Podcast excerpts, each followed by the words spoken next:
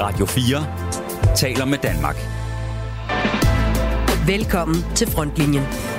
Din vært er Peter Ernst ved Rasmussen.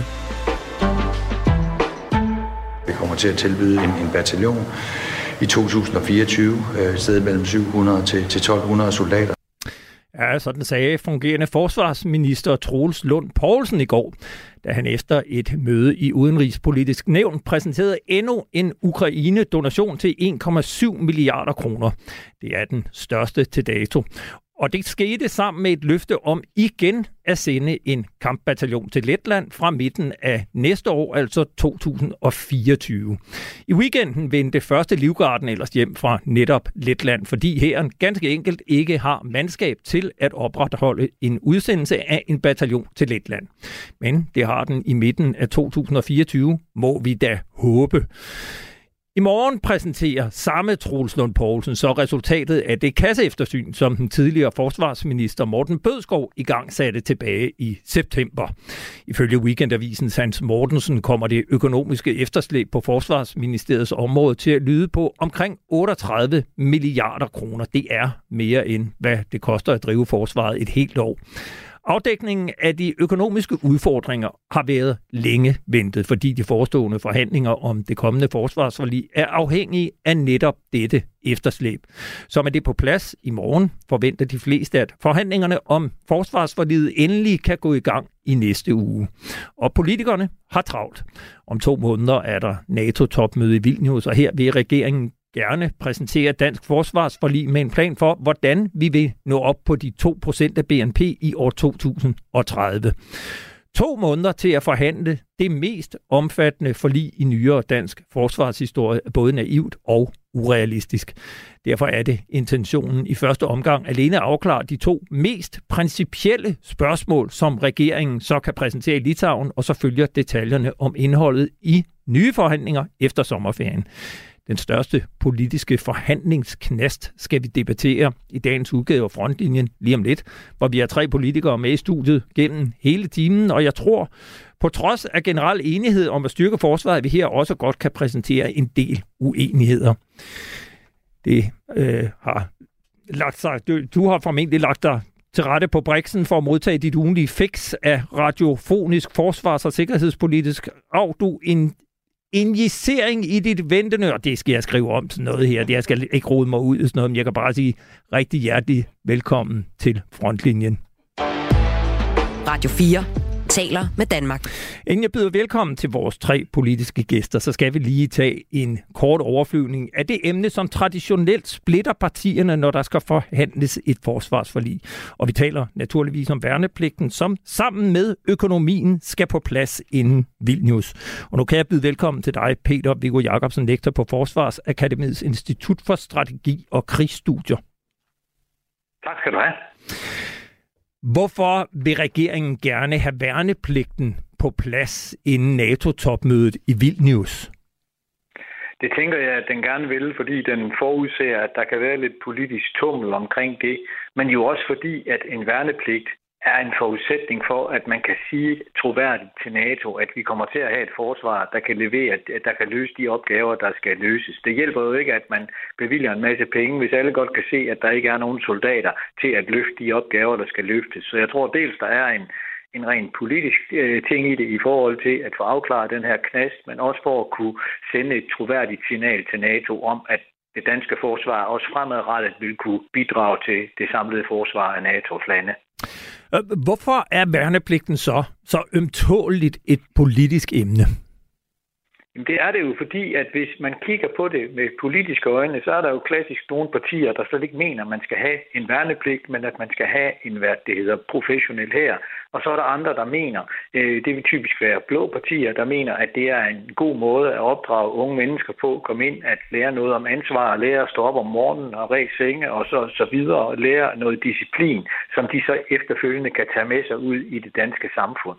Så man kan sige, når vi kigger baglæns historisk på den måde, som værnepligten har fungeret på i Danmark, så har det været sådan en todelt ting. På den ene side har der været en politisk diskussion om, hvor, hvorvidt man skulle have værnepligt eller ej, og, og hvordan værnepligten skulle indrettes. På den anden side, så har der været det, man kan kalde militær nødvendighed.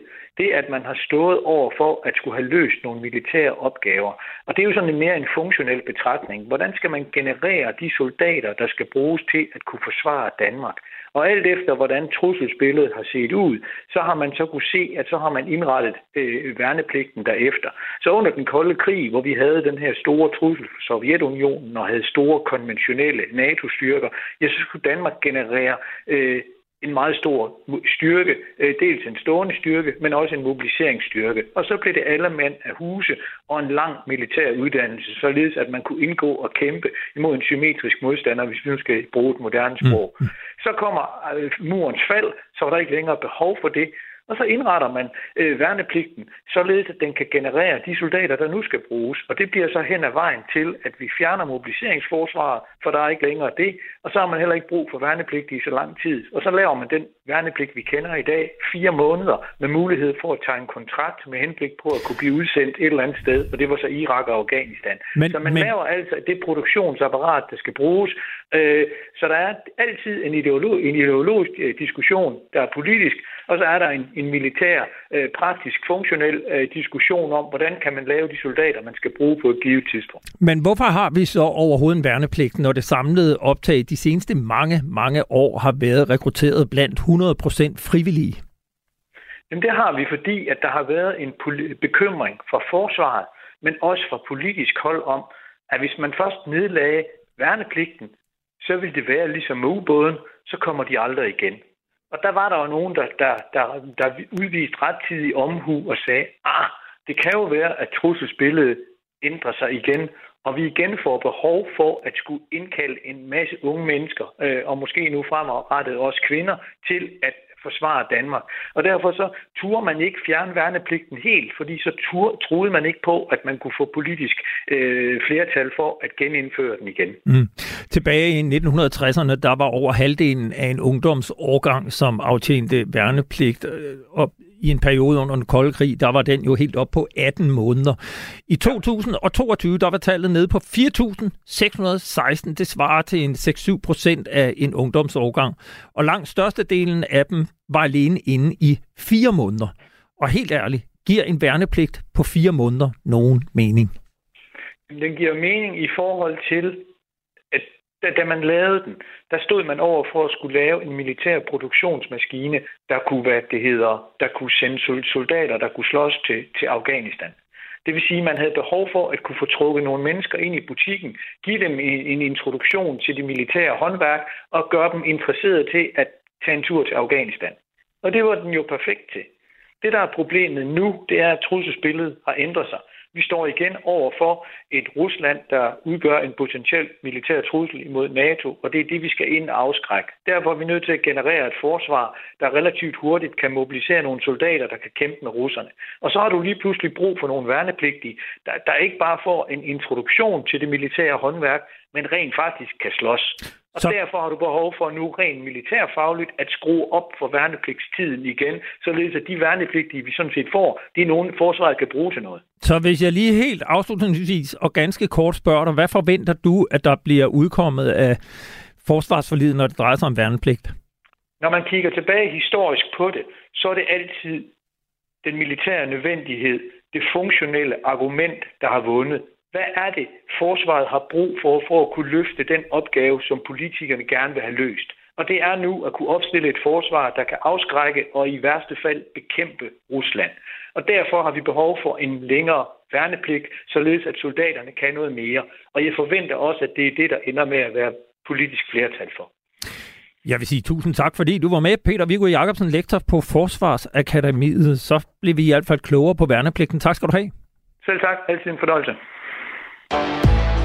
Radio 4 taler med Danmark.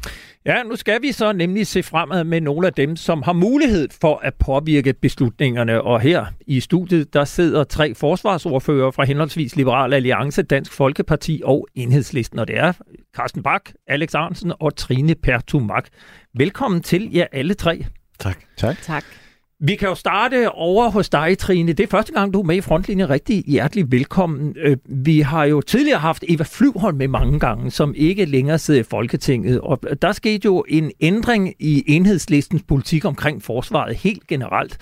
Og I er jo blevet alt andet lige mere forsvarsvenlige. Men når vi nu dykker ned værnepligten, hvor står enhedslisten så? Skal vi have værnepligt i Danmark, og skal den være længere og kortere? Hvad tænker I? Det synes vi sådan set, at der skal være. Ja, værnepligt. Øh, vi synes også, at man på et tidspunkt skal diskutere, om den værnepligt skal være bredere i sin forståelse og de opgaver, man skal lægge ind i det. Hvad er det for et, øh, et, et for, for forsvar og samfundsberedskab, vi gerne vil have? Altså, Så, den kan gå ud over at være soldat? Ja, altså der er jo masser af den, øh, hvad kan man sige, den, på den sikkerhedspolitiske dagsorden, som i virkeligheden handler om vores beredskab og kritisk infrastruktur osv. Så, så der er jo en lang palette af ting, man kunne forestille sig, man proppede ned i den øh, og have en bredere diskussion af, hvad er det egentlig, vi forstår ved værnepligt, og hvad er det for nogle typer opgaver, der skal, der skal løses. Og det synes vi i virkeligheden kunne være, kunne være interessant også at begynde at, at kigge på. Når vi så ser på værnepligten i dag, den er på øh, fire måneder. Er, er det noget, som man i enhedslisten mener skal være længere eller kortere? Vi har ikke nogen fast øh, låst øh, måneds, øh, kan man sige, månedstal på det. Øh, det handler jo også lidt om, hvad det er for en type værnepligt, vi diskuterer. Så, øh, så vi vil hellere tage det i den anden rækkefølge. Over i den anden side af studiet, der sidder Carsten Bak, øh, forsvarsordfører i Liberal Alliance. Værnepligt er en super god idé. Er du enig? Nej, det synes vi jo principielt set ikke. Hvad man kalder det, det er sådan set underordnet for os. Det, der er afgørende for Liberal Alliance, det er, at det er frivillige, som vi rekrutterer til forsvaret, til forsvarets uddannelser, fordi det handler jo i virkeligheden ikke. Og jeg vil faktisk godt, øh, kan man sige, gå en lille smule imod øh, Peter Vigus øh, analyse af det. Det, vi har behov for, det er jo veluddannede soldater, som vi for eksempel, og som det jo også blev besluttet i går, kan sende med en bataljon til Letland og udgøre veludrustet, moderne, professionelt forsvar, som er uddannet til til de våben og våbentyper og andet materiel, som vi skal arbejde med, øh, og som vi kan sende for eksempel til Baltikum. Når I så grundlæggende er imod værnepligten, er det så et kardinalpunkt for jer? Kan man regne med, at Liberale Alliance kan æde værnepligten for at få lov at være med i et kommende forsvarsforlig? Eller vil I sige, det kan vi simpelthen ikke være med til, fordi vi er imod værnepligt? Jamen, jeg vil jo faktisk øh, vende det fuldstændig på hovedet og sige, at øh, lige præcis det, at øh, der tegner sig et politisk øh, flertal for at øge værnepligten, øh, både i længde og antal, gør jo, at det er endnu øh, desto mere vigtigt, at Liberal Alliance er en del af forsvarsforliget, det kommende forsvarsforlig, fordi at øh, den eneste fornuftige øh, stemme, der er øh, med hensyn til værnepligt, skal jo ikke stå uden for øh, indflydelse i den her sammenhæng. Så øh, lige præcis det spørgsmål er det, der er måske det mest afgørende for, at Liberal Alliance skal være en del af det kommende forsvarsforlig. Så fik vi i hvert fald det på plads. Alex Arnsen, Dansk Folkeparti. Hvor står du i forhold til værnepligt? Dansk Folkeparti har altid været en stærk tilhænger af værnepligten, og vi sørger også for at redde den i 2018 i det sidste forlig. Og vi vil gerne udbygge den nuværende værnepligt. Vi vil gerne femdoble uh, indkaldelsen af værnepligtige fra 2000 års værk, det vil sige, det skal du gang med to og en halv gang tre. Ja, for, for, fordi de kun er inde i fire måneder. Ja. ja. Op til 10.000 års værk, det vil sige omkring 25-30.000 om året, og det vil vi gerne uh, over en årrække uh, udbygge. Så vil vi uh, indføre kvindelig værnepligt, så både mænd og kvinder, de skal uh, ind i hæren. Uh, og så vil vi gerne have, at værnepligtige, som man for eksempel gør i Sverige eller i Finland, bliver en del af styrken, og øh, vi vil udvide perioden. Og, og det, det skulle lige uddybe, når du siger, bliver en del af styrken. Ja, Hvad de, mener du med det? Så de kan indtage uh, positioner i hæren, udover at de bare bliver trænet uh, gennem værnepligtsperioden. Uh, det vil sige, i slutningen af uh, værnepligtsperioden, der kan de så indtage uh, de her uh, positioner, og så eventuelt forlænge. Og så vil vi forlænge værnepligtsperioden uh, fra minimum 9 måneder øh, op til 12 måneder med mulighed for en eventuel forlængelse for øh, specialiserede øh, områder. Og hvorfor vil vi så det? Jo, fordi hvis vi... Øh, altså, der, der er to afgørende argumenter for os. Det ene er, at vi gerne ser, at forsvaret igen bliver en samfundsinstitution på linje med folkekirken, fodboldlandsholdet eller folkeskolen. Forsvaret skal er der være en naturlig del af samfundet, hvad det ikke længere er i dag. Og det andet er, at vi har brug for at kunne rekruttere øh, fra af samfundet gennem værnepligten til forsvaret og til hæren og til flåden. Og der er øh, værnepligten altså et rigtig godt sted at hente folk.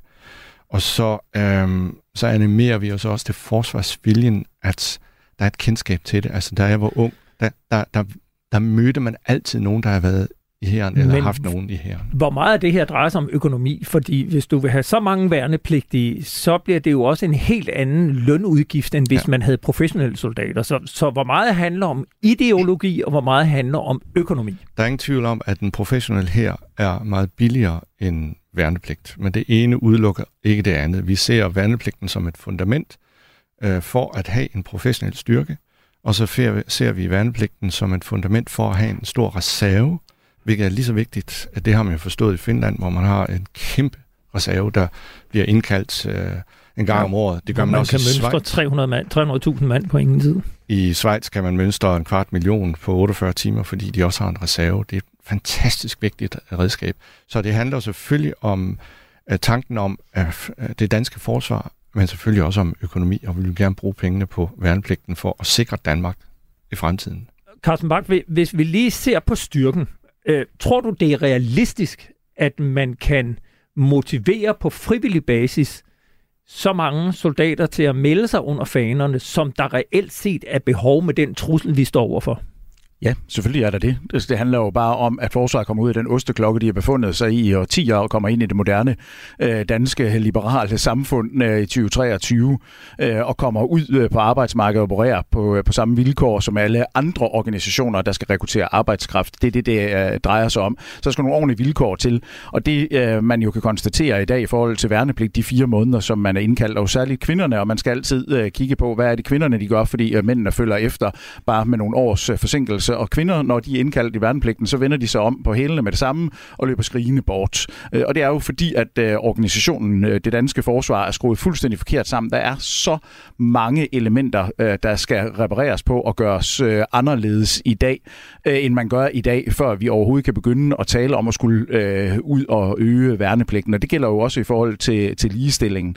Så man er simpelthen, man er sovet i timen, man er bagud, og der er mange skruer, der skal stilles på, inden vi kan begynde at øge styrken. Og det skal du uddybe lidt. Hvad er det, der er galt, og hvad er det, man skal skrue på? Ja, så det er jo personel håndtering, men det er jo også bare sådan noget som motivation i det at være i tjeneste, at øh, bygningerne er ved at falde fra hinanden, når man ikke har det rigtige udstyr og alt muligt andet, øh, der gør, at der er ikke nogen, der gider øh, at gøre tjeneste i forsvaret. Det er det, der skal laves om på, for det er jo ikke værnepligt, det er jo ikke den der mobiliseringsstyrke, som man i sådan en eller anden national romantisk drøm om den kolde krig og alt muligt andet kan ønske sig tilbage til. Det er ikke det, det handler om.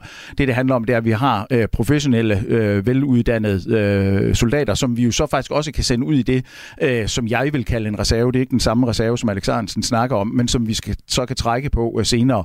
Men det kræver et helt andet uddannelsesniveau. Det kræver noget helt andet, end hvad enten øh, 6, 12 eller 18 måneders øh, værnepligt øh, kan give de her mennesker.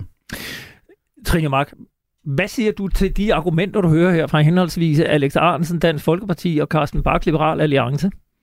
Ja, det er jo klart, hvis man gerne vil have et, øh, et større, stærkere og mere veludrustet forsvar, øh, så kræver det nogle flere mennesker. Så ud fra den logik er det jo, er det jo svært at være uenig, kan man sige. Man kan være uenig i logikken, øh, men det er jo også mærkeligt at stå og sige, at man i virkeligheden tror på, at Danmark skal have et territorialforsvar, og så ikke argumentere for, at der også skal være folk til at løfte de opgaver. Og den, på en måde hænger det jo sammen, og det er jo derfor, vi også går ind for værnepligt. Jeg vil bare sige, at jeg er fuldstændig enig med det, Alex siger omkring ligestilling. Jeg tror i virkeligheden, I sagde det begge to. Øhm, går ind for ligestilling. Altså selvfølgelig skal kvinder også kunne tage den opgave. Det er ikke et... Øh, altså det er ærgerligt, at man skal diskutere det stadigvæk. At der så er nogle helt åbenlyse huller øh, rundt omkring i systemet, som er sindssygt gammeldags i kultur og alt muligt andet. Øh, der ligner det jo andre dele af det danske samfund, men der er måske noget, der er ekstraordinært gammeldags i forsvaret, som skal gøres op med rent kulturelt. Men, men hvis vi ser sådan størrelsesmæssigt på forsvaret og, og vægtning mellem professionelle og værnepligtige, Øh, mener du så også, at vi stadigvæk skal have en professionel her, og, og hvordan skal den vægtes? Hvor mange værnepligtige skal vi indtale? Nu nævnte jeg her, at sidste år, der, mm. der blev der 4.600 blev optaget, øh, og, og de var så inde i kun øh, fire måneder. Hvad tænker du vil være realistisk, eller rimeligt, eller fornuftigt? Men jeg tror, vi går virkelig lidt tæt på en anden måde og siger, at der er nogle helt grundlæggende udfordringer. De historier, der kommer fra forsvaret om, at det, øh, hvordan arbejdsforholdene er, hvordan vilkårene er, hvordan kasernerne ser ud osv., er jo et kolossalt problem. Og langt hen ad vejen, så er der jo store dele af den offentlige sektor herunder forsvaret, som er blevet udsultet i alt for længe. Øh, hvis det er en institution, man gerne vil bevare, så skal der også være nogle ordentlige og rimelige arbejdsvilkår øh, for de mennesker, der, der arbejder i forsvaret. Det giver sig selv, og det, øh, det synes vi jo også i enhedslisten, selvom vi har en anden holdning grundlæggende til, hvad dansk forsvarspolitik skal gå ud, for, gå ud på. Øh, længden af værnepligten, jamen igen synes jeg, man skal vente lidt om og sige, hvad er det egentlig for en type forsvar, vi gerne vil have? Hvad er det for en type opgaver, vi gerne vil have, folk skal kunne løse? Hvor er det, Danmark skal være aktiv henne? Nu kommer vi jo til at diskutere også geografi, kan man sige. I enhedslisten, der er vi jo, øh, har vi jo gennem mange år ærget os over, at Danmark sakker bagud, når det gælder bidrag til FN-fredsbevarende styrker, øh, eller freds, øh, øh, hvad hedder det, skabende styrker for den sags skyld. Hvad er det for et engagement, vi skal have internationalt? Det stiller jo også krav til, hvad er det for en type opgaver og en type uddannelse, folk skal have for at kunne løfte dem. Og den vej, synes vi i virkeligheden er mere grundlæggende vigtigt at få taget en diskussion af, fordi der er så store øh, huller og så mange ting, der ærligt talt sejler i forsvaret. Og nu kan jeg jo godt høre, at uh, der er sådan en bred enighed om også ligestillingsdebatten, altså mænd og kvinder skal ligestilles. Det vil jo, når vi taler værnepligt, betyde en kolossal omstilling, forstået på den måde, at lige nu er det 100% af en ungdomsårgangs mænd, der bliver kaldt på forsvarets dag, men kvinderne skal selv henvende sig. Hvis man nu laver den her ligestilling, så skal den vel også dække for, hvem der skal kaldes ind der er jo både værneret og værnepligt, så en ting er, hvordan forholdene er, når man er inde, mm. men øh, hvis vi ser på det helt grundlæggende, skal alle mænd og kvinder i en ungdomsårgang kaldes ind til forsvarsdag, hvor ved man jo et eller andet sted må forvente, at altså også optaget bliver fordelt øh, kønsmæssigt cirka 50-50. Hvor står Liberale Alliance, Carsten Bak? Nej, det, det mener vi er, er spild af ressourcer og skulle indkalde en hel masse øh, mennesker, som vi ved øh, alligevel ikke gider at gøre karriere og tage en, en øh, kortere eller længere uddannelse i forsvaret. Det er der ikke nogen grund til at bruge en hel masse kræfter på, men vi kan jo rent faktisk godt ligestille værnepligten. Jeg mener ikke, det er det, der er det afgørende. Det, der er det afgørende, det er jo kulturen i forsvaret i forhold til ligestilling. Men vi kan jo godt sådan lovgivningsmæssigt øh, ligestille øh, det her med ansættelsesvilkår, om man er tvunget til at være der fire måneder, eller om man kan tage sit gode tøj og gå, som nogen øh, siger, kvinderne kan øh, i dag, hvis de vil det, og det kan de mm. også. Men det kan, det kan man øh, lovgivningsmæssigt skrive sig ud af i værnepligtsloven, så det er slet ikke noget problem. Men tror du ikke, at alle de historier, vi hører om kønskrænkende adfærd og de problemer, der er i forsvaret, vil blive færre og mindre, hvis der kommer flere kvinder i forsvaret? Jo, på, på meget lang sigt, øh, der vil det helt klart, men, men forsvaret er nødt til at vise, at de også vil kvinder først. Så der, der, der kræves en kulturændring og justering på, på rigtig mange ting i forhold til at kunne øh, ja, optage øh, så mange flere kvinder, som der mm. så er et politisk ønske om, øh, om det er det rigtige at gøre for forsvaret. Forsvarets styrke, det kan jeg godt være i tvivl om. Øh, Alex Arnsen, jeg kan ikke lade være med at nævne her, at da vi var på folkemødet sidste år, der havde jeg den daværende øh, forsvarsordfører øh, fra Dansk Folkeparti med. Det var Christian Thulesen Dahl. Øh, han mente ikke, der skulle være ligestilling, øh, og at kvinderne skulle, skulle indkaldes til forsvarets dag. Øh, og, og, og to måneder senere, der skrev du, eller udgav Dansk Folkepartis øh, forsvarsudspil, hvor du argumenterer for, at der skal være ligestilling. Hvad er der sket, og, og hvor står Dansk Folkeparti? Skal vi have den totale ligestilling, så kvinderne også skal, øh, skal hives ind på forsvarsdag? Ja, vi var jo de første til at melde ud i august sidste år. Nu er der kommet en øh, ny ledelse og en, en ny forsvarsordfører. Det er mig. Øh, uh, Tulsendal er ikke hos os længere, og alle kan jo forstå, at det er en god ting, fordi vi går ind for ligestilling. Uh, og jeg ved ikke, om I er klar over det. Der er jo allerede ligestilling uh, med hensyn til beredskab. At både mænd og kvinder kan uh, indkaldes, hvis det findes nødvendigt. Sådan er loven i dag. Ja, det kan vi bare udvide, så det også kommer til at gælde for øh, værnepligt, altså indkaldelse til forsvaret. Og det er vi stærke tilhængere af, at 30 procent af, af, af herrens og, og, og forsvarets ans, øh, ansatte er jo i dag kvinder, og de gør et fremragende stykke arbejde. Øh, og jeg er sikker på, at vi vil få endnu flere dygtige kvinder til at interessere sig for forsvaret. Jeg siger ikke, at de behøver at være frontsoldater alle sammen. Der er også nogen, der kan øh, gå ind i beredskabet eller øh, aflægge logistiske opgaver. Der er rigtig mange muligheder, men jeg tror på i en, hvad skal man sige, national ramme, at man er med til at løfte forsvaret, fordi det, der er det afgørende for Dansk Folkeparti, og der er vi jo er uenige med Liberale Alliance, som vil på eventyr udlandet. For os er det kongeriget, vi skal forsvare. Og med de store opgaver, vi har både i Arktis og Østersøen, øh, med fremskudt øh, forsvar og i Baltikum, det skal, så skal vi tale om nu. Så skal vi have flere øh, folk gennem værnepligt. Vi øh, lukker lige debatten om værnepligten, fordi vi skal se videre ud i øh, den store hvide verden. Øh, vi skal kigge mod Arktis og Østersøen. Radio 4 taler med Danmark. Et andet af de store spørgsmål, der skal besvares med forsvarsforlidet, er nemlig, hvor Danmark rent geografisk skal lægge sit primære militære fokus. Søndag gav fungerende forsvarsminister Trulsund Poulsen sit og regeringens bud, da han i et interview med Jyllandsposten fortalte, at Arktis står øverst på den geografiske prioriteringsliste med Østersøen som nummer to. Jeg tror endda, han sagde Arktis og Kongeriget. Det gjorde han i øvrigt med en tegning, som selv en fireårig kunne forstå, som han lod det øh, gøre sig klart for Jyllandspostens læsere. I Forsvarskommandoens oplæg til et nyt forlig fremgår det ellers, at man foreslår at udskyde bygningen af en afløser til inspektionsskibene af Thetis-klassen til næste forlisperiode, mens man i stedet vil satse på patruljeskibe til netop Østersøen. Det er dem, som vi her i øh, programmet før har kaldt miljøkrigsskibe. Vi har selvfølgelig spurgt forsvarsministeren, om han vil stille op til interview og forklare, hvordan regeringens prioritering hænger sammen med Forsvarskommandoens forslag i dagens udgave her fra frontlinjen men det kunne desværre ikke lade sig gøre. Til gengæld, så har vi dig med på telefon, Flemming Blidsbol. Velkommen til. Ja, tak skal du have. Seniorforsker ved Dansk Institut for Internationale Studier, hvor du blandt meget andet også beskæftiger dig med, hvad der foregår i og omkring Arktis. Og så kunne jeg jo passende også indledningsvis ønske dig tillykke med Uddannelses- og Forskningsministeriets forskningskommunikationspris, som du for nylig har vundet. Så tillykke med den. Ja, tak. Vi, vi taler generelt meget om Arktis og det høje nord, og nu rykker det øjensynligt helt op i toppen af den forsvars- og sikkerhedspolitiske dagsorden. Hvorfor tror du, at man i regeringen finder Arktis vigtigere end eksempelvis Østersøområdet, hvor vi jo også har Rusland ganske tæt på? Ja, det er jo rigtigt. Det har vi jo i Østersøen. Der har vi Rusland lige over på den anden side. Men vi har jo nu også en lidt speciel konstellation i Østersøen, eller vil få det meget snart.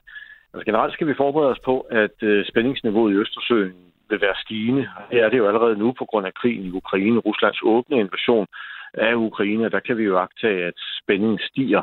Men vi vil snart have en situation, hvor vi vil have otte NATO-lande rundt om Østersøen og Rusland på den anden side. Og der har vi jo altså stærke allierede, som for eksempel Tyskland og Polen, som øh, er meget aktive i Østersøen, og som bare tager også noget af vores fælles øh, sikkerhed der. Hvorimod det er lidt mere tyndt øh, måske i det arktiske og i Nordatlanten, og det på den, kan vi sige, på den baggrund, så vil det give mening at sige, jamen så overlader vi til nogle af de større aktører, som vi øh, jo i forvejen er allieret med, at, øh, at øh, fokusere på Østersøen, og så lægger vi i stedet flere af vores ressourcer op i Arktis og i øh, Nordatlanten. Man kunne jo også få den kætterske tanke, at der ligger noget politisk strategi i udmeldingen fra regeringen, som jo bygger på et meget spinkelt flertal, der ikke mindst er afhængig af tre nordatlantiske mandater. Kan du se, at der også kan ligge noget øh, venlighed i forhold til Nordatlanten, altså de grønlandske og færøske stemmer, og sige, nu retter vi fokus op mod jer, så vi er sikre på, at vi kan holde et øh, regeringsflertal i alle fire år?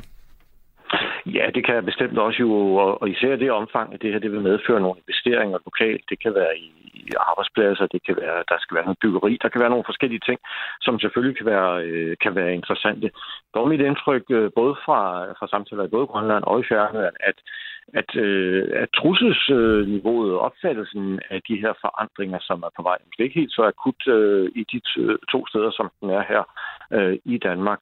Øh, men, øh, men det er klart, det kommer fra, fra København. En del af det her, det øh, er jo noget, der bliver videreformidlet fra København, den øh, reorientering, som på en måde sker. Øh, og det vil få store konsekvenser øh, for både Grønland og, øh, og for Færøerne, og dermed jo selvfølgelig for, for rigsfællesskabet på Kongeriget Danmark. Hvad er det så, Danmark mangler af kapaciteter i Arktis for at kunne gøre sin indflydelse gældende? Det er jo svært at sige. Der indgår vi jo i et, i et større samspil, og det er jo især amerikanerne, der fylder derop. Så det vil være i høj grad måske at, øh, at lægge øre til, øh, til vandrørene og høre, hvad er det, amerikanerne er interesseret i? Hvor er det, de ser, at vi kan levere noget, som kan supplere de kapaciteter, som de har i forvejen. Og der kan være andre aktører også, men det er jo især amerikanerne. Og noget af det, de har været interesseret i, det er jo generelt øh, overvågning. Det er luftovervågning, og det er i en vis udstrækning selvfølgelig også øh, søovervågning. Øh, og der skal vi jo tænke på den udvikling, som har været i Rusland især siden 2014, altså det vil sige Ruslands invasion af af Krim. Det, der skete efterfølgende, det var, at russerne flyttede en stor del af deres kapaciteter først op i Østersøområdet, hvor vi oplevede øget spænding, og så endnu længere op, op i det arktiske. Og der har siden 14 været stor fokus i Rusland på udviklingen af de militære kapaciteter i det arktiske område. Og det er noget, der har givet anledning til bekymring øh, i USA, som øh, lige pludselig følte, at, øh, at det her enormt bælte fra det russiske Arktis over til USA egentlig var pivåbent. Øh, og der ville de jo gerne have, at vi havde nogle flere øjne og ører øh, oppe i, i Arktis og i Nordatlanten, og det givetvis det vil, øh, vi vil se mere af. Øh, jeg erindrer, at øh, man, da Tyskland for år tilbage ønskede at hæve forsvarsbudgettet til 1,5 procent, sagde, uh, så må vi hellere også komme op på 1,5 procent, og det gjorde man så ved at, ved at stemme den her arktisk pakke igennem, som gav 1,5 milliard, hvor man kunne øh, opbygge i øh, med blandt andet noget dronekapacitet og nogle radarer øh, på, på både Færøerne og, og i Grønland. Øh, med, med, med det, der sådan ligger på tegnebrættet her, med et kommende forlig og, og med så øget fokus på Arktis, der kan jeg ikke lade være med at tænke på det her med øh, Arktis som et, som et lavspændingsområde. Du fortalte om den øh, øgede militarisering, Rusland har lavet. Man har jo fra dansk side gjort meget ud af at prøve at fastholde Arktis som et, som et lavspændingsområde. Er det ikke en illusion i dag at sige, at Arktis er et lavspændingsområde? Jo, det må vi nok desværre erkende, at det er en illusion at sige, at Arktis er exceptionelt. Vi talte i mange år om den her arktiske exceptionalisme, og det billede, jeg ofte brugte, det var jo det her med, at vi kunne skændes med russerne inde i, øh, inde i et eller andet mødelokale, ikke? Og altså virkelig gik, øh, gik for sig, og hvor der blev nærmest kastet med porcelæn og så videre. Så sluttede vi det møde, så gik vi ind i et tilstødende lokale, hvor vi talte om Arktis, og der sad vi lige pludselig og talte meget fint og fornuftigt og roligt med hinanden. Og det blev selvfølgelig mere og mere underligt øh, og, øh, og uholdbart at gøre det på den måde. Og der må vi sige, øh, det spændingsniveau, vi har nu, det konfliktniveau, som, som vi har, det er selvfølgelig øh, kommet ind i det arktiske område, og, og det kan man selvfølgelig begræde, men det er sådan, det er, øh, og det skal vi forberede os på, at der vil ske en fortsat militarisering af hele den arktiske region. Man har jo øh, tidligere gjort meget for at øh, holde det til et, øh, jeg lige vil sige, bilateralt forhold, altså hvor, hvor Danmark sørger for sikkerheden i det arktiske område, så har man haft et samarbejde med USA, og man har holdt NATO uden for det her. Nu har NATO jo pludselig fået en interesse i det, vi også kalder det høje nord. Hvad får det af betydning for det kommende forsvarsforlig, hvad får det af betydning for Danmark, at, at NATO nu også begynder at kigge mod det arktiske område? Det betyder jo, at vi øh, på en måde jo bliver klemt lidt ud af det, som vi har følt var vores. Altså, vi har jo ligesom sagt, at det er Arktis, det er for de arktiske stater. De skal koncentrere sig om det. Og så nogle af de andre stater, herunder jo også Kina, som selvfølgelig ikke er med i NATO, men som har en stor interesse, det er prøver, at I skal holde jer ude. Det er først og fremmest for, det, for de arktiske stater, det her. Så på den måde kan vi sige, det, det er vi nødt til at opgive, og det gør vi måske også med, med en, øh, med en vis øh, accept, fordi øh, vi forstår, at nu at der står noget mere på spil. Og det vil betyde, at vi i højere grad måske skal samtænke. Vi skal finde ud af, hvordan kan vi øh, supplere øh, nogle af de andre kapaciteter, som det er i det arktiske område, og så, øh, så skal vi jo øh, også finde ud af, hvilken rolle skal vi spille i hele det her. Øh, det er klart, at øh, NATO har en stor rolle øh, og en interesse i det arktiske område, også nu blandt andet, fordi Rusland opruster i Arktis, og fordi vi forventer, at et eventuelt angreb, eller i tilfælde af en meget, meget tilspidset konflikt, så vil der komme russiske kapaciteter fra det arktiske område. De opererer i Arktis, men de vil også komme ned igennem Nordatlanten. Og det har NATO en interesse i, øh, og der skal vi finde ud af, hvordan kan vi spille en rolle der? Hvad, hvad skal vi gøre? Hvad er vores stemme i det her? Øh, traditionelt har vi jo haft en meget stor stemme, fordi det har været en lille øh, lukket kreds, og nu ser det ud til, at kredsen jo lige pludselig bliver udvidet, og det vil også forandre den måde, vi agerer på. Jeg vil sige tusind tak til dig, Flemming Splidsbol, seniorforsker på Dansk Institut for Internationale Studier, fordi du øh, var med her i frontlinjen. Ja, selv tak. Radio 4 taler med Danmark. Ja, og vi bliver vender tilbage her i studiet med vores tre øh, forsvarsordfører fra Folketinget, Carsten Bak, Liberal Alliance, Alex Arnsen fra Dansk Folkeparti og Trine Pertomak fra Enhedslisten. Vi taler her om, om Arktis og lidt i øh, forhold til Østersøen, hvor der kan virke som om, der har været lidt øh, forvirring fra regeringens side, hvad man egentlig prioriterer højst. Hvis vi starter med dig, Trine, hvor skal Danmark prioritere at øh, at, at opruste, lige vil sige. Er det, er det Østersøen, der er det vigtigste område, eller er det Arktis, eller er det en kombination? Altså nu mener enhedslisten jo grundlæggende ikke, at Danmark skal opruste, men hvis vi taler om, hvor vi skal have et sikkerhedspolitisk fokus, så skal øh, Arktis helt naturligt være det. Det er en del af, altså vi, vi har et rigsfællesskab, og vi har en forpligtelse over for vores øh, grønlandske og færøske partnere i, øh, i rigsfællesskabet, så det giver sig selv. Øh, og der er jo også et stærkt øh, grønlandsk, øh, i hvert fald ønske, også et færøsk ønske, for at man øh, opprioriterer fokus på, det kan være sig overvågning og kystbeskyttelse osv., så, øh, så det giver sig selv, at det skal man. Øh, og jeg vil øvrigt bare lige minde om, hvis man kigger, og nu de, de lytter, der ligger på sofaen og får deres forsvarspolitiske fix, som du formulerede det indledningsvis, hvis man kigger på et landkort, det kunne man jo gøre, øh, så er det jo ikke på grund af Skagen, at Danmark er en del af Arktis og Arktisk Råd. Det er jo, fordi vi har rigsfællesskabet. Øh, så meget, meget, meget tæt dialog med Grønland og Færøerne er fuldstændig afgørende for, at Danmark placerer sig på en måde, der også passer til det, som, som det, de arktiske folk faktisk er interesseret i. Og der er lavspænding stadigvæk et fokus. Øh, Alex Hansen, hvor meget spiller det ind, at vi nu får Sverige og Finland, må vi stadigvæk gå ud fra, at Sverige kommer med, Finland er kommet med i NATO. Øh, har det indflydelse på, hvor vi skal lægge vores fokus inden, at, og, og hvor står du? Østersøen, Arktis? Øh, hvad, hvad siger Dansk Folkeparti? Det gør en afgørende forskel, at Norge, Sverige og Finland nu bliver en aktiv medspiller. At Danmarks øh, rolle i Østersøen og Arktis er lige vigtig, men det, det afgørende spørgsmål er, hvem skal tage sig af hvad? Og der vil vi i hvert fald opfordre til, at Danmark øh, forstærker deres samarbejde med Sverige, med Finland, om Østersøen, fordi de har blandt andet ubådskapacitet. Det har vi ikke. Vi har ikke rustet op på Bornholm. Det har man på Gotland i Sverige, eller er i gang med det. Man har besluttet det.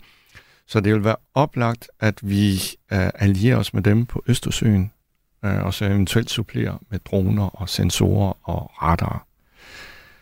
Arktis er en hovedprioritet for os, og det kræver øh, yderligere F-35 indkøb. Det kræver en opgradering af de nuværende øh, skibe, vi har. Det kræver patrulje. Det, det kræver en voldsom øh, investering i radar, og selvfølgelig også beskyttelse af både færerne og Grønland. Og det er et stærkt ønske fra amerikanerne, at vi koncentrerer os om øh, Arktis, og at vi sørger for at, øh, at beskytte det område. Så jeg vil sige, de er lige vigtige, men spørgsmålet, om, spørgsmålet er, hvem tager sig af hvad? Og der kan vi jo sagtens dele, dele som opgaven med vores allierede i Norden. Og, og hvor står Liberal Alliance i det spørgsmål? Ja, i virkeligheden her, der, der står vi jo egentlig meget tæt øh, på Dansk Folkeparti. Det der er behov for i Østersø-regionen, jo, hvor der er en helt ny dynamik med to nye NATO-lande. Øh, det er sammentænkning af de kapaciteter, der er de forskellige NATO-lande i Østersøen øh, imellem. Den sammentænkning skal selvfølgelig prioriteres, men det er jo sådan mere noget operationelt og knap så meget noget politisk. Selvom det selvfølgelig er meget spændende at være forsvarspolitiker, særligt i Sverige og Finland i de her tider, hvor man skal ind i, i et helt nyt paradigme. Men, men det, der er afgørende, det, det er jo, kan man sige, investeringerne og oprustningen, tør jeg godt at kalde det, i Arktis øh, fra dansk side, fordi det er der et stort behov for, fordi vi i grove træk jo ikke aner, hvad der foregår. Vi har ikke noget konkret billede af, hvad situationen er deroppe, og det er jo sådan en helt åben spilleplade øh, for Rusland, øh, som de kan boldre sig på, uden at der er nogen, der opdager det, og det er vi nødt til at gøre noget ved, og når vi så opdager, hvordan de boldrer sig i Arktis, så er vi jo også nødt til at kunne gøre noget ved det, og det skal vi så gøre i samarbejde i øvrigt med de samme nationer, de samme nordiske nationer, nationer, fordi det er også at de arktiske stater, arktiske kyststater, men jo så koordineret med Kanada og USA, som spiller en meget stor rolle der også. Øh, vi har her i programmet tidligere talt meget om det, som jeg før kaldte miljøkrigsskibe, altså et projekt, der i virkeligheden er søsat længe før krigen i Ukraine, som handler om, at søværnet mangler nogle skibe, der kan operere i de indre danske farvand. Vi har kun de store fregatter, og så har vi nogle små, øh, meget små patruljefartøjer. Der har man jo søsat det her projekt, som skal være patruljeskibe, der kan operere i Østersøen, men som også skal kunne løse miljøopgaver. Og det har jo skabt voldsom debat, fordi man i søværende gerne vil have et krigsskib, øh, og i øvrigt ikke rigtig har den store interesse i at lave miljøbekæmpning. Samtidig så har man jo oppe i Nordlanden de gamle efterhånden Tetis-klassen inspektionsskibene, som har mange problemer, fordi de begynder at være gamle. Og det, der jo ligger i forsvarets eget oplæg til det kommende forsvarsforlig, det er, at man prioriterer øh, patruljefartøjerne, som primært skal kooperere i Østersøen og de indre farvande, og at man så levetidsforlænger Tetis-klassen og i virkeligheden sørger for, at den kan øh, ja, leve yderligere 20, måske 30 år. Er den prioritering helt skævt, også med det nye billede, hvor vi får øh, Sverige og Finland med i NATO? Skal vi lægge det der patruljeskibsprojekt øh, om i køen, og så sørge for at få nye inspektionsskibe, som også har en krigsfunktion? Eller hvad? Jeg kan starte med dig, Alex Hansen.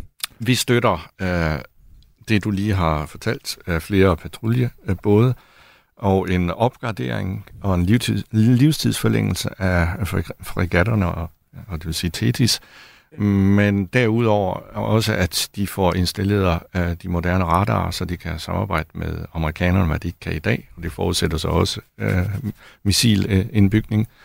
Um, det er ret afgørende for os, fordi hvis vi ikke gør det, så kan vi ikke gøre det, vi skal. Og til sidst, det er næsten det vigtigste, uh, hurtigt komme i gang med at udvikle og bygge nye skibe. Så vi bliver nødt til at livstidsforlænge, fordi det tager 10-15 år at få de her nye skibe, men det skal sættes i gang nu, så vi har moderne skibe om 10-15 Jeg er nødt til at spille et lille klip for jer, fordi øh, Danmarks Radio øh, besøgte et af de her inspektionsskibe, som sejler i Nordlanden, og som altså har store problemer. Og her der talte journalisten med Finn Bæk Carlson, som er marine, marinespecialist i søvand, og prøv at høre, hvad han sagde. Det var nogle fantastiske skibe, de her, da de blev bygget i tidernes morgen. Øh, de er 30 år gamle. Og det vil sige, hvis ikke de allerede er i gang med at planlægge, at vi skal have nogle nye, så går der i hvert fald 10-15 år, inden vi måske begynder at se et nyt skib. Så har vi altså lige pludselig skib, vi sejler rundt med i verdens farligste farvand. Der er 40-45 år gamle. Det holder ikke. Trine Mark, kan øh, søværnet vente på at få øh, nye skibe til Nordlanden, fordi vi også har nogle patruljeskibe, vi skal øh, prioritere, eller skal man øh, slå to fluer i samme store forsvarsforlig her og sige, nu bygger vi begge dele? Altså, jeg tror virkelig, at det, helt, det her er et enormt godt øh, eller, symbolsk eksempel, eller symbolsk citat, fordi nærmest ligegyldigt, hvor man kigger hen i forsvaret, så vil man sige, her er der et kæmpe hul, der skal lukkes, før vi kan gøre noget andet. Øh, og det er jo på en måde, det er jo god interessevaretagelse, men der er jo også noget om sagen. Altså, der er virkelig mange steder i dansk forsvar, som, som trænger til en, øh, en, øh, en kærlig hånd, for at sige det pænt. Øhm, og det må man jo bare undre sig over, at det i virkeligheden står så galt til, øh, som det gør, når nu man ved, at forsvarspolitik for store dele af Christiansborg er så vigtigt. Øhm, så om det er det ene eller det andet, altså jeg, jeg, tror, jeg vil godt synes, man skal vare sig mod, jeg synes virkelig noget af det, Truls Poulsen har sagt på det sidste her, har været enormt interessant, nemlig at sagt, at man skal ikke lave et forsvarsforlig, hvor partierne kommer med hver deres materiel ønske, og så har nogen fået en ubåd, nogen har fået et skib, nogen har fået noget andet, og nogen har fået noget tredje. Fordi det giver ikke nødvendigvis det bedste svar. Øh, så derfor er jeg mere tilhænger af det, som jeg synes, han siger med linjerne, at der skal laves en grundlæggende diskussion af, hvad er det, der er nødt til at stå først ud fra en fælles forståelse af, hvor er det, vi har vores største udfordringer. Noget handler om geografi, men noget handler jo også om typen af forsvar. Øh, så jeg vil ikke sidde her og sige, om det skal være den ene eller den anden front, men der er jo ikke nogen, der er ikke nogen tvivl om, at der er noget omkring de kystfartøjer, der sejler rundt og skal overvåge på havene, øh, at der mangler der mangler væsentlige ressourcer. Altså, jeg hører dig jo næsten tale dig ind i et forsvarsforlig. Vil du gerne være med? Vi vil utrolig gerne være med til at diskutere, hvordan dansk forsvar skal skrues sammen. Det er jo, er super ærgerligt, det er virkelig vigtigt øh, for, for Danmark og for den generelle sikkerhed, men også for den politiske debat på Christiansborg. Men det var jo bare desværre sådan, at, øh, at regeringen sagde, at man skulle lægge øh, mindst 2% af BNP i, øh, i døren, inden man kom ind i lokalet, hvor man måtte forhandle, hvad de her penge skulle bruges til. Øh, og det synes vi er skide ærgerligt. Vi vil faktisk gerne diskutere, hvad er det, man skal, og så bagefter kunne man tage en diskussion af, hvad det ville koste, og hvad man, hvordan man skulle finde de penge. Desværre vendte regeringen det om, så vi får ikke øh, adgang til de politiske diskussioner ved forhandlingsbordet, fordi vi ikke var klar på at opruste som udgangspunkt. Vi kan dog glæde os over en, øh, synes jeg, jeg fornemmer en meget forsvarsvenlig indstilling i, i, i enhedslisten. Hvad, altså, hvad du mener med forsvarsvenlig? Altså, at man, det vil være mærkeligt at sidde og sige, at vi ikke skulle have et, øh, et, et territorialt forsvar eller en værnepligt i Danmark øh, nu. Men det har vi jo ment tidligere. Altså, altså Enhedslisten er jo ikke et pacifistisk parti, øh, og der hvor vi står nu, så er ikke det... Længere. Vi... Ikke længere. Enhedslisten er ikke et pacifistisk parti, øh, men vi grundlæggende så har vi et meget kritisk opfattelse af, om militær er svaret på alle denne verdens problemer, for at sige det øh, meget diplomatisk. Øh, Carsten Bak, du skal også lige have mulighed for at øh, kommentere det her med, med Tetis-klassen. Altså, hvad, skal man fremrykke bygningen af nye skibe til Nordlanden, inspektionsfartøjer, eller skal man sige, vi levetidsforlænger, og så må vi tage det? Jeg er jo egentlig øh, ret enig i det, øh, Trine siger, i forhold til, at vi skal passe på med politisk at blande os alt for meget i, hvilke kapaciteter og hvornår. Jeg er ikke skibsbygger, jeg ved ikke, hvad man kan med tetisklassen og hvad man ikke kan. Det vi bare kan øh, konstatere, det er, at det er evident, at øh, der er nogle udfordringer med at få materialer til at holde i Nordatlanten, og det er vi nødt til at tage meget, meget alvorligt. Og det tror jeg også, det mener jeg i hvert fald, at vi er nødt til at tage mere alvorligt, end for eksempel at begynde at introducere nye kapaciteter og investere i for eksempel F-35-kapaciteten øh, i Arktis. Øh, det må øh, ligge lidt længere ude i horisonten, og så må vi sikre, at vores, øh, vores patruljeskibskapacitet øh, i Nordatlanten, at den er up to date. Jeg vil sige tusind tak, fordi I kom. Alle tre, Carsten Bak, Liberal Alliance, Alex Arnsen, Dansk Folkeparti og Trine Pertomak, Enhedslisten. Og jeg lover dig, vi skal nok hive dig ind, selvom at uh, I ikke bliver en del af det kommende forsvarsforlig. En, en vigtig stemme. Tak fordi I kom. Selv tak. Selv tak. Radio 4 taler med Danmark. Vi runder udsendelsen af med at vende blikket mod vores broderfolk i Nord. I Norge annoncerede regeringen ved et pressemøde i går, at man nu sætter yderligere fart på investeringerne i forsvaret.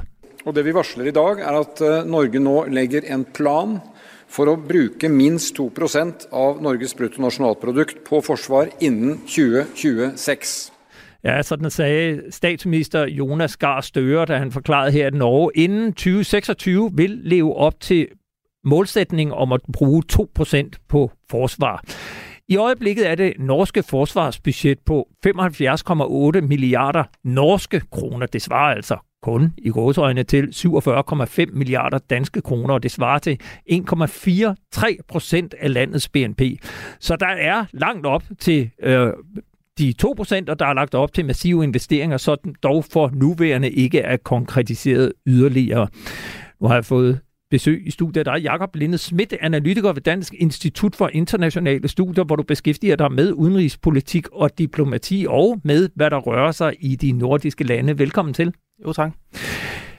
Der er NATO-topmøde i Vilnius her om to måneder, og man kan vel ikke lade være med at tænke, at det er øh, rigtig god timing at den norske regering med sådan en melding lige nu. Hvor meget handler det her om at stille øh, NATO tilfreds?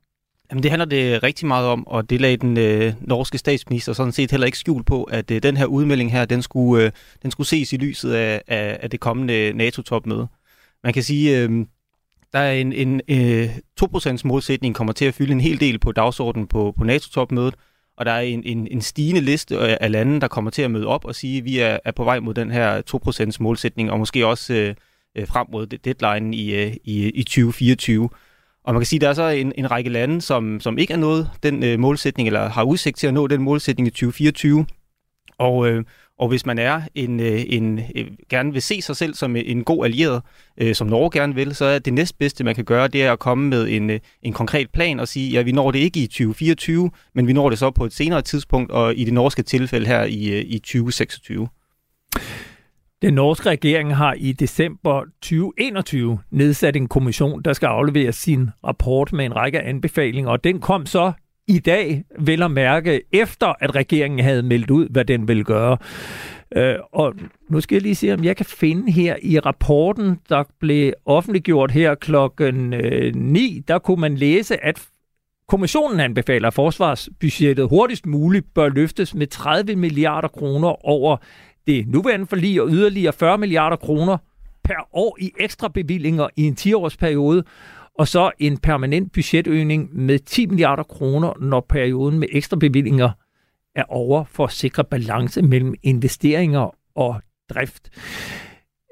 Hvorfor kommer regeringens udmelding før kommissionen her, som så jo øh, anbefaler noget mere, end regeringen kunne levere i går?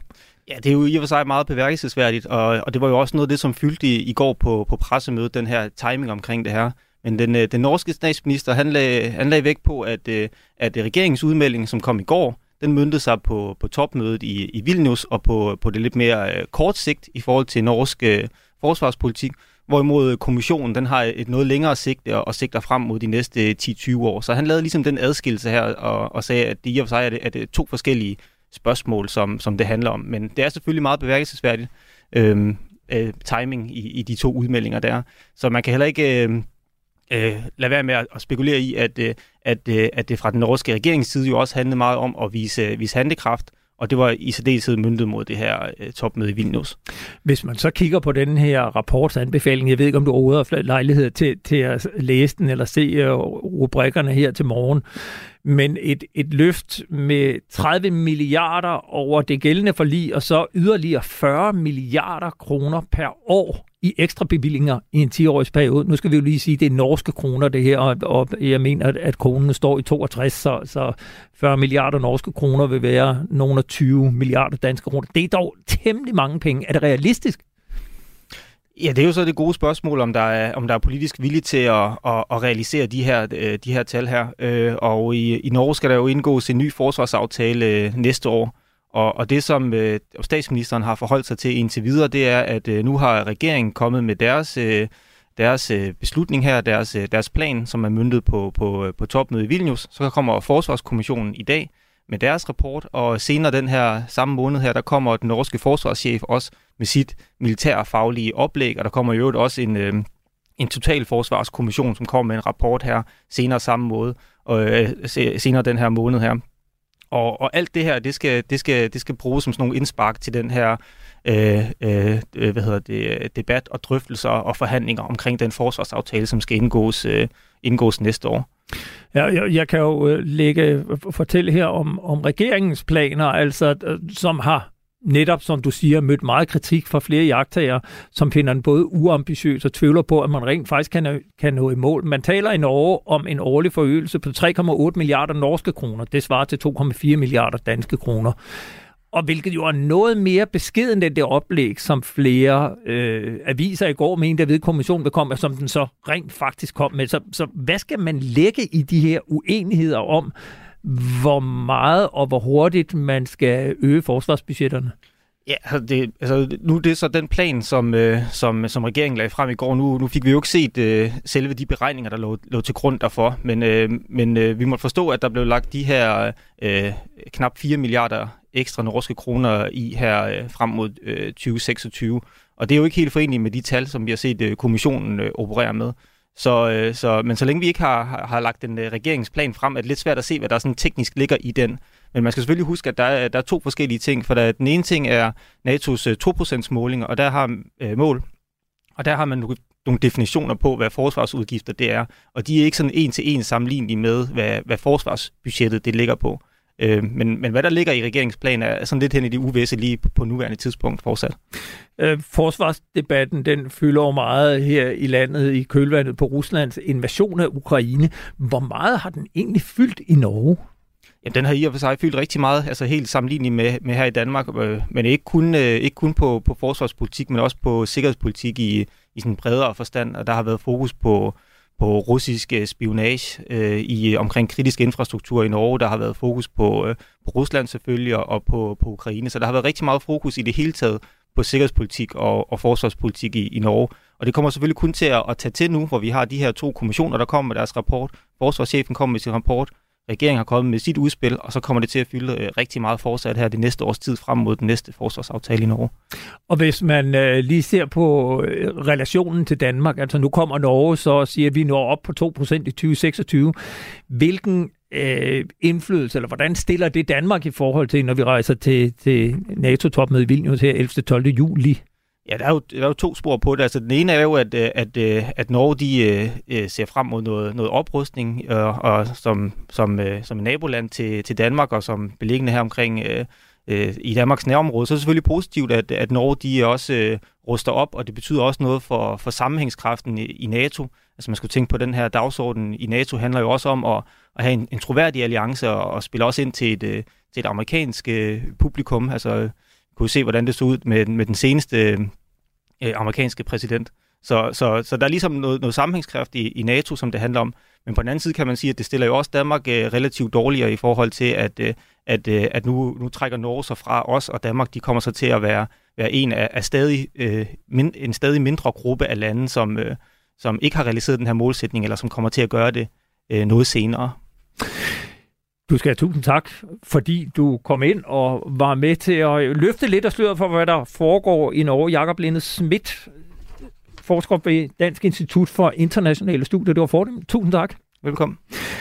Og vi når ikke meget mere i den her udgave af frontlinjen.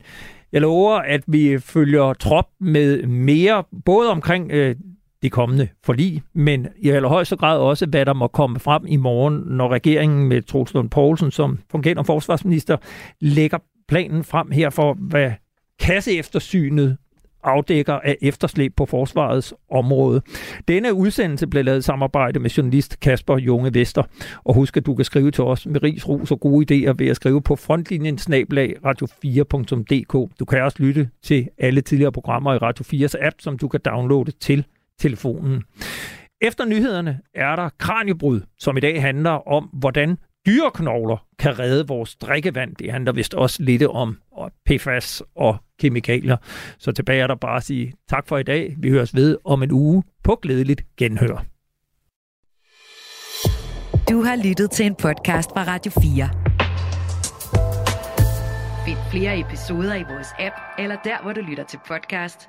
Radio 4 taler med Danmark.